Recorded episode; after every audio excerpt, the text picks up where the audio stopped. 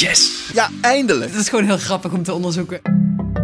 Zei die dat? Dat was echt heel raar. Ja, dat klinkt geweldig, maar kun je het ook aantonen? Dit is Speurwerk. Wij brengen je de hoogtepunten van Investico's nieuwste publicaties en laten zien hoe journalisten te werk gaan. Ik ben Simone Peek. En ik ben Sylvana van den Braak. Deze aflevering gaat over steeds meer taken die van oudsher bij het onderwijs zelf horen, worden uitbesteed aan private bedrijven. Als de politiek niks structureels doet om de lerarentekort op te lossen, dan stappen er op een gegeven moment partijen in. En ik denk dat het met deze coronagelden dat er gewoon een hele boost is gegeven aan deze sector. Welkom bij Speurwerk. Tegenwoordig maakt één op de drie middelbare scholieren gebruik van aanvullend onderwijs. En daarbij moet je denken aan één op één bijles, begeleiding bij het maken van huiswerk en trainingen, zoals voor het eindexamen. En ouders geven er tegenwoordig acht keer meer aan uit dan twintig jaar geleden. En ook de bedrijven die dit aanbieden groeien. Sinds 2014 komen er bijna elk jaar meer dan 100 bedrijven bij die zich bezighouden met studiebegeleiding en bijles. Dat zijn bijvoorbeeld zelfstandigen die studiebegeleiding geven in de buurt, maar ook miljoenen bedrijven die door het hele land heen zitten. En nu heeft nog een grote verandering plaatsgevonden. Want vorig jaar maakte het kabinet 90 miljoen euro beschikbaar voor middelbare scholen om leerachterstanden als gevolg van de pandemie in te halen. En het is nog maar een voorproefje van wat er komen gaat, want eerder dit jaar kondigde de regering aan in totaal 8,5 miljard euro subsidie te gaan geven. Ja, maar daar zit wel een addertje onder het gras. Dat geld moet namelijk binnen 2,5 jaar op. En het wordt voor een groot deel uitgegeven aan externe partijen die deze extra vorm van onderwijs bieden. Het schaduwonderwijs, ontdekte platform Investico. Michel Salomons, Thomas Muntz en Emiel Woutersen hebben deze schaduwscholen onderzocht en ontdekten dat deze een steeds belangrijker deel van het reguliere onderwijs op zich nemen. En er wordt geen enkel toezicht op gehouden. We gaan luisteren naar het onderzoek. Een smak met geld om de leerachterstanden als gevolg van de pandemie in te halen. Hoeveel subsidiescholen krijgen, wordt netjes bijgehouden, maar waar de scholen het geld precies aan uitgeven, weet niemand. Emiel, Michelle en Thomas besloten uit te zoeken bij welke bedrijven dat geld terechtkomt. Maar achterhalen hoe geld in de toekomst besteed gaat worden, klinkt lastig. Hoe pak je dat aan? Emiel Woutersen vertelt. Om daarnaar te kunnen kijken, dat is heel, tenminste, dat is heel moeilijk eigenlijk. Dat is heel moeilijk onderzoeken waar geld in de toekomst aan gaat worden besteed. Dus wat wij wilden doen is te kijken naar het geld wat het afgelopen jaar is uitgegeven. En om te kijken hoe dat besteed wordt. En daartoe heeft Michelle alle e-mailadressen van scholen die subsidie hebben aangevraagd opgezocht. En naar al die mensen hebben we een enquête gestuurd. Eigenlijk wat er stond in die enquête is, uh, grofweg, waar heeft u het geld aan besteed? Bent u tevreden met hoe dit geld is besteed? En, en dat is heel leuk journalistiek gezien, wilt u uw gegevens achterlaten zodat we u kunnen bellen met vragen. We zijn nu bezig met een, echt een, gewoon een vrij brede rondgang langs allemaal schoolleiders die dus deze subsidies hebben gehad, om, te, om hun te vragen naar, naar hun ervaringen. En wat bleek? Twee derde van de scholen die subsidie ontvingen gaven in totaal ongeveer 30 miljoen uit aan private huiswerk- en bijlesbedrijven. Maar zelfs als scholen het geld wel intern willen besteden, is dat moeilijk. Emiel en Thomas leggen uit. De grote kritiek is dat het binnen 2,5 jaar op moet. Mede die korte termijn maakt het dus ook heel moeilijk om structureel te investeren met dit geld. En dat maakt het ook weer waarschijnlijker dat er veel geld naar private bijlesbedrijven of private huiswerkbegeleidingsbedrijven gaat. Omdat ja, die kunnen op kortere termijn inspringen en die kan je daarna ook weer af laten vloeien. En nou ja, dat, dat komt bijvoorbeeld doordat er heel weinig leraren zijn. Er is, nou ja, iedereen kent het woord lerarentekort. Er zijn heel weinig zeg maar, gekwalificeerde docenten te vinden. Dus dat is moeilijk om daar je geld aan uit te geven. Zeker als je het binnen 2,5 jaar op moet maken. Want ja, dan ga je geen nieuwe docenten van opleiden. Dan kan je ook niet iemand een vast contract geven. Want 2,5 jaar later is dit, moet dit geld op zijn. Als de politiek niks structureels doet om de lerarentekort op te lossen, dan stappen er op een gegeven moment partijen in. En dat is wat we nu zien. En, maar wat er zo wrang aan is, is dat je zo denkt, nou, er is een lerarentekort. Als er schaarste is van iets, dan gaat de prijs van datgene omhoog. Dus je zou denken, er is een lerarentekort. Dus iemand die onderwijs wil geven, die kan daar dik aan verdienen. Nou, dat gebeurt dus niet. Dat is het vreemde. Wat zie je nu gebeuren met zo'n huiswerkindustrie die, die miljoenen impuls krijgt? Is dat we ook weer langs andere weg met een soort van improvisatie dat onderwijs in de lucht proberen te houden. Je ziet een stille verschuiving van taken naar die marktpartijen. En ook dat is gewoon een improvisatie. Natuurlijk omdat het ministerie niet doet wat het zou moeten doen. Namelijk structureel zorgen dat er genoeg geld is voor het onderwijs. Daar moeten we niet naïef over zijn ook. Want al die schoolleiders die zeggen... ja, ik heb niets aan tijdelijk geld. Want ik heb vaste krachten nodig. Ze kunnen er uiteindelijk het grote centrale probleem niet mee oplossen. Met een kortdurende subsidie en het lerarentekort gaat dat geld dus makkelijk naar een externe partij. En schoolleiders zien het opkomen van die externe bedrijven als een signaal van de tekortkoming van het onderwijssysteem. Toch zijn zij vaak tevreden over de kwaliteit van de commerciële bedrijven. Ze ontzorgen en scholen kunnen meer bieden aan kinderen met leerachterstanden, vertellen ze. Het is best wel een moeilijk onderwerp om naar te kijken, omdat er ook heel veel goede kanten aan zitten. Ik bedoel, bijles werkt gewoon, examentraining werkt gewoon, want kinderen krijgen aandacht. Dus nou ja, daardoor krijg je hogere cijfers. Dat is ook moeilijk, omdat er dus niet één hele duidelijke misstand is. En meestal zijn we op zoek naar misstanden. Daardoor kijken andere media ook niet echt naar de structurele dingen die hier misschien wel misgaan. Maar het heeft natuurlijk wel als gevolg dat je een deel van het schoolgeld, van gewoon maatschappelijk geld, aan commerciële partijen geeft. En ik denk dat het met deze coronagelden dat er gewoon een hele boost is gegeven aan deze sector. Ja, als je eerst bijles door ze hebt laten doen, dan. De drempel is wat lager geworden, denk ik. Maar waarom is dat een probleem? Wat wij zien is dat dat steeds meer taken die van oudsher bij het onderwijs zelf horen, bij de, die door leraren worden uitgevoerd, worden uitbesteed aan private bedrijven. Nou, dat kan van surveilleren bij een toets gaan, wat, waarvan je kan zeggen, nou, dat is op zich prima als de leraar dat niet hoeft te doen en dat hij iets productievers kan doen in die tijd. Maar dat gaat ook over echt onderwijs. Uh, in het geval van bijles bijvoorbeeld, kan je zeggen dat het echt zeg maar, de centrale taken van de leraar zijn die worden uitbesteed. Maar wat we zien is dat dat schoolleiders ja, toch wel een zeker ongemak voelen.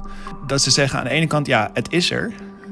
En er is aanbod en dat creëert een bepaalde vraag. Dus er is een, bepaald, er is een bepaalde prikkel voor scholen om dit te doen. En tegelijkertijd voelen die schoolleiders ook van... ja, is dit nou wel de kant die we met z'n allen op willen? Is dit, wil ik wel deze bedrijven de school inhalen? En de schoolleider zei ook tegen ons, dat, dat kan wel. Dit kunnen we wel op deze manier ons onderwijs gaan inrichten. Maar we hebben daar nooit een discussie over gevoerd. Er is nooit een maatschappelijk debat geweest, of een debat in de Tweede Kamer, waarin we zeggen: willen we dat er, dat, dat er steeds meer marktpartijen op scholen komen om bepaalde taken van leraren uit handen te nemen? Dat, dat kan, maar dan moet je dat debat wel voeren. En, en een van de problemen met die taken die uit handen worden genomen, is dat deze bedrijven vaak studenten in dienst hebben die dit als een bijbaan doen. En uh, dat de kwaliteit dus wisselend kan zijn. Um, en dat maakt misschien niet zoveel uit als iemand surveilleert. Maar als iemand bijles geeft, ja, dan wil je wel dat dat didactisch op een goede manier gebeurt, dat diegene de kennis heeft. Het onderwijs is een uh, sector waar er een enorm tekort is aan gekwalificeerd personeel. Dus je zou zeggen, dit is de kans voor leraren om de beste arbeidsvoorwaarden die ze kunnen te onderhandelen. Uh, als jij een vast contract wil, die liggen voor het oprapen. Tegelijkertijd zie je dat er dus, doordat dat tekort zo groot is, zie je dat er allerlei bedrijven worden binnengehaald, de school in. Dus het, tekort aan gekwalificeerd personeel zorgt ervoor dat er een heleboel ongekwalificeerd personeel uh, eigenlijk wordt ingevlogen. Subsidies vrijgegeven om corona-achterstanden in te halen, versterken dus de trend waarbij scholen huiswerkinstituten in huis halen om extra taken te verrichten. Het verhaal gaat erover dat er een langzame verschuiving optreedt, waar we als samenleving geen controle meer over hebben straks. Wat wel gaat over kinderen dingen leren. Dus wat dat betreft is, is het vroeg, dit stuk. En tegelijkertijd signaleren we ook de discussie die er tot nu toe was over bijles en huiswerkindustrie, was altijd: dit vergroot de ongelijkheid in de samenleving. Want alleen rijke ouders die kunnen hun kinderen al die huiswerkbegeleiding geven komende drie jaar hoeven we het daar niet meer met elkaar over te hebben. Het is gewoon niet meer aan de orde. Scholen gaan doodgegooid worden met miljoenen euro's. Die kunnen ze makkelijk besteden aan deze bedrijven. Deze bedrijven zitten daar ook hard achteraan. En ik vind het heel erg de taak van Investico en de taak van onderzoeksjournalisten om dat te zeggen. kijk eens eventjes wat er nu hier gebeurt. Moeten we daar niet een opvatting over hebben? En kijk, als de hele samenleving ervoor kiest dat we bepaalde onderwijstaken in feite in, in handen brengen van een ongereguleerde markt, ja, dan ben ik, ben ik ook maar een burger. En heb je je daar uh, bij, bij stil te leggen. Maar dat hebben we natuurlijk nog nooit gedaan. Op zijn minst zijn we dan die markten gaan reguleren, bijvoorbeeld in de kinderopvang. Uh, en dat soort dingen. Daar, daar, moet je allemaal eisen uh, en, en, certificaten en inspecties en zo hebben. En dat is hier ook helemaal niet aan de gang. Dus het is eigenlijk een hele grote black box van wat daar gaande is. Een black box. Extra geld voor bijles verandert langzaamaan in structurele taken voor commerciële partijen die niet worden gereguleerd. Maar om welke bedrijven gaat het eigenlijk? Als we aan scholen vragen welke bedrijven huur je in, dan zien we huiswerkbegeleidingsbedrijven een aantal keer terugkomen, zien examentrainingsbedrijven een aantal keer terugkomen, maar vooral heel erg veel liceo. Eén bedrijf blijft maar opduiken in de enquête. Huiswerkinstituut Liceo, dat zichzelf de grootste onderwijsondersteuner van Nederland noemt. En niet zonder reden ontdekken Thomas, Emiel en Michelle. We zagen, oké, ze, ze, noemen zichzelf de grootste, ze worden het meest gebruikt. Dan kijk je in de Kamer van Koophandel en zie je dat ze heel veel handelsnamen hebben. Het viel eigenlijk op dat zij dus de afgelopen jaren heel veel kleine bedrijfjes door het hele land hebben opgekocht. Edu Oost, Juffrouw Julia, allemaal ook echt lokaal klinkende bedrijfjes. En die merknamen hebben ze behouden, maar ze vallen allemaal onder een BV die onder Liceo valt. En toen spraken we dus ook met een paar mensen en, en die zeiden dat ze Studiekring hadden overgekocht. En Studiekring is de grootste concurrent van Liceo. Alleen in de Kamer van Koophandel zijn dat gewoon twee losse bedrijven nog. En ik dacht, hè, maar die mensen die weten dat toch ook wel, want die werkten daar en die zeiden ook, we zaten ineens in Leiden op de Schipholweg waar Liceo zit. Sommige mensen zouden ook echt een Liceo-contract hebben gekregen, maar dat zijn allemaal van die dingen die we dan nog niet. Je hoort het en je gelooft het, maar ik wil ook heel graag achterhalen hoe heeft Liceo dan studiekring overgekocht. En er is niet een paper trail. En ik keek dus de hele tijd naar de BV's die boven Liceo hingen en de BV's die boven Studiekring hingen. En wie daar dan de direct, directeurs van zijn, wie de aandelen hebben. Maar dat kan je dan weer niet altijd zien. En doordat je niet altijd kan zien wie de aandelen heeft, ik denk dat het daardoor moeilijk te achterhalen is geweest. En uiteindelijk ben ik dus inderdaad met mensen gaan praten die bij Studiekring hebben gewerkt. En die vertelden mij gewoon heel overtuigend. Maar zeg maar, we zijn gewoon overgenomen. Ook, ze snapten ook niet waarom dit niet een te vinden feit was. Ik heb met twee oud-werknemers van Studiekring gesproken. Die waren dus heel verbaasd dat ik er niks over kon vinden. Van, huh, dit is gewoon overgenomen. We werken gewoon in Leiden. Het Liceo zit in Leiden. En een andere oud-medewerker van Studiekring vertelde ja, hoe ze dus op een gegeven moment te horen kregen dat ze gingen samenwerken. En dat de baas van uh, Liceo langskwam op de verschillende vestigingen en vertelde wat er ging gebeuren, maar dat ze dat niet mochten mailen. Ze mochten dat alleen mondeling communiceren aan de scholen. Er lijkt achter te zitten dat Liceo gewoon niet die grote moloch wil lijken. Dat ze ook gewoon een degelijk instituut willen lijken. Wat ze ook kunnen zijn als ze groot zijn, maar nou, daar willen ze dan niet voor uitkomen een grote partij die dat extern niet op die manier wil uitstralen. Maar ook intern opereert het bedrijf niet altijd even netjes. Want met Liceo halen scholen niet alleen een commerciële partij binnen, maar ook een boel slechte arbeidsvoorwaarden. We waren toen benieuwd hoe lukt het een bedrijf als Liceo om zich zo stevig te positioneren in de markt nou ja, we zagen aan de ene kant dus dat ze heel veel concurrenten overnemen. En aan de andere kant dat Liceo gebruik maakt van hele goedkope arbeidskrachten en ook hele onzekere arbeidsconstructies. Al die huiswerkbegeleiders, bijlesleraren en uh, examentrainers, die zijn niet in dienst bij Liceo. En ze zijn ook geen ZZP'er. Maar ze zijn als een soort freelancer, gaan ze een overeenkomst aan over het werk dat ze doen. En dat Liceo nauwelijks verplichtingen heeft ten opzichte van het personeel. En dat werd pijnlijk duidelijk toen de pandemie uitbrak en opeens alle examentrainingen afgelopen jaar werden gecanceld. En Liceo zei: Ja, sorry, wij hebben geen geld om jullie iets te geven. Dus al die examentrainers, al die mensen, studenten meestal, die bijvoorbeeld erop hadden gerekend om uh, nou ja, hun collegegeld hiermee te betalen, die kregen geen geld. Liceo zei namelijk, we moeten ons vaste personeel, dat zijn de vestigingsmanagers, uh, dat moeten we hiermee betalen. Dat is frappant, want ze kregen loonsubsidie van de overheid voor het personeel wat in dienst was. En bovendien is dat frappant omdat ouders die al examentrainingen hadden gekocht, dat geld in eerste instantie ook niet terugkregen van Liceo. Ze kregen namelijk vouchers. Dus aan de ene kant hielden ze in eerste instantie het geld van de ouders. Ze zeggen nu dat ze dat allemaal hebben terugbetaald.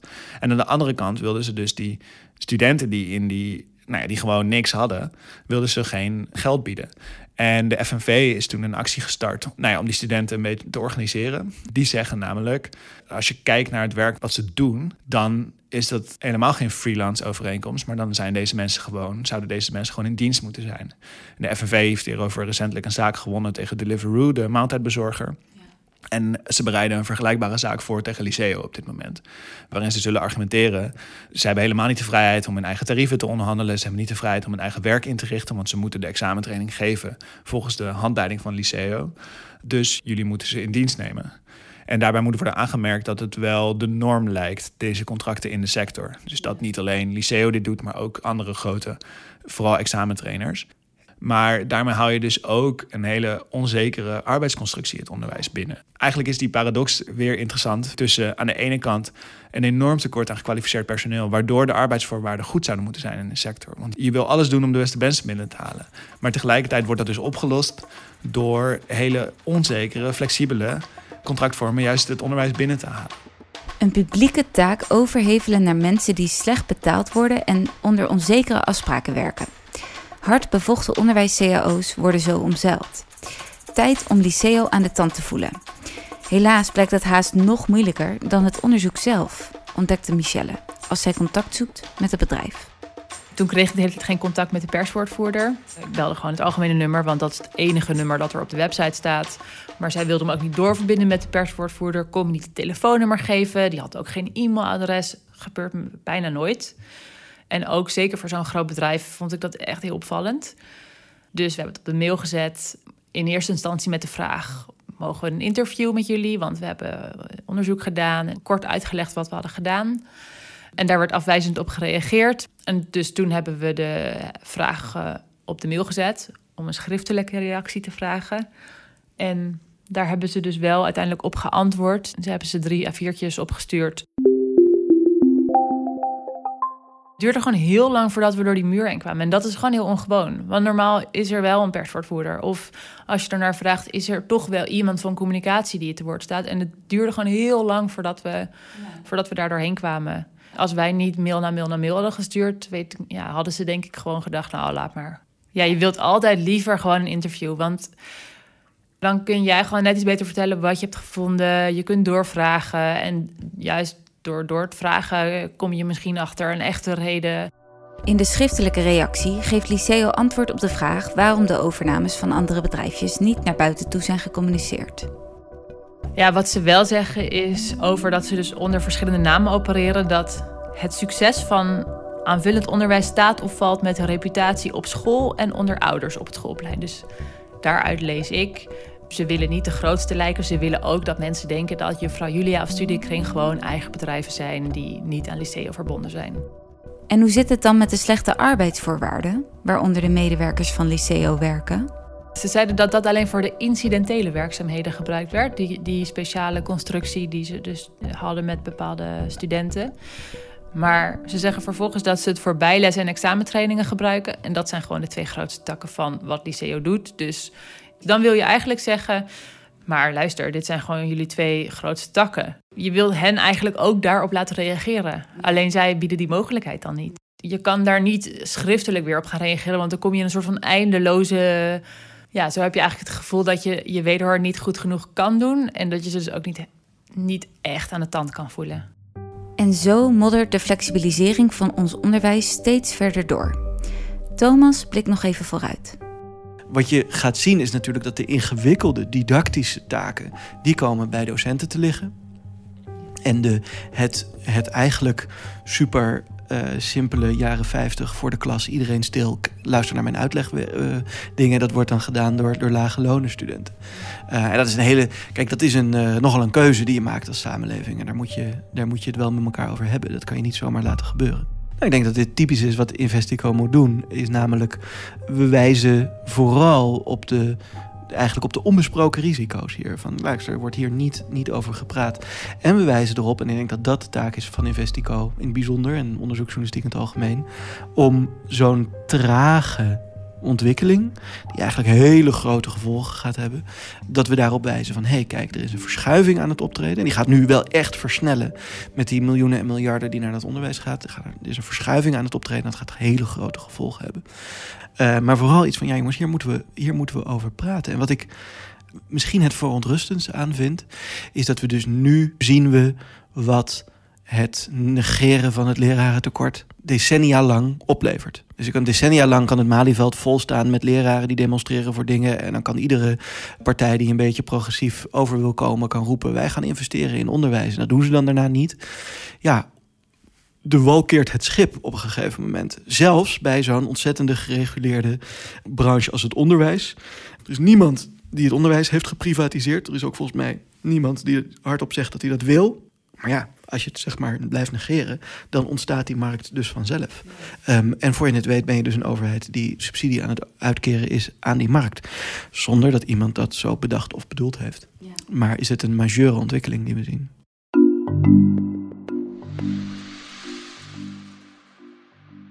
Dit was Speurwerk. Je hoorde Emiel Woutersen, Michel Salomons en Thomas Muntz over de groeiende rol van het schaduwonderwijs. Bijlesinstituten, huiswerkbegeleiders en examentrainers krijgen een almaar belangrijkere functie in Nederland. Middelbare scholen kregen afgelopen jaar ruim 90 miljoen euro subsidie voor het wegwerken van leerachterstanden na de eerste lockdown. Scholen gaven daarvan een derde uit aan private huiswerk- en bijlesbedrijven. Het onderwijs krijgt zo onbedoeld steeds meer kenmerken van de vrije markt. En in deze vrije markt domineert één speler, Liceo. Het bedrijf kocht ongemerkt concurrent na concurrent over en omzeilt met goedkope krachten de onderwijs-CAO's. Door het lerarentekort en gratis subsidies gaan steeds meer scholen met het bedrijf in zee. Als je het hele verhaal wil lezen, kijk dan bij de Groene Amsterdammer en Dagblad Trouw of kijk naar tv-programma 1 Vandaag. Als je meer wil weten over hoe de journalisten aan hun informatie zijn gekomen, lees dan de geannoteerde versie van het stuk op de website van Investico. We bedanken Pepijn Buitenhuis voor de muziek en de eindmix. De volgende uitzending van Speurwerk verschijnt alweer over twee weken. Dan gaan we luisteren naar een vervolg op het onderzoek naar de ondernemer die midden in coronatijd een groot aantal toeristenwinkels overnam. Dat is een sterk signaal voor illegale praktijken. Als je niet weet waar ik het over heb, luister in jouw podcast-app naar onze aflevering Toeristenwinkels. Dekmantel voor witwassen? Het vervolgonderzoek is minstens zo spannend en speelt zich ook af in onze hoofdstad Amsterdam. Graag tot dan. Tot dan.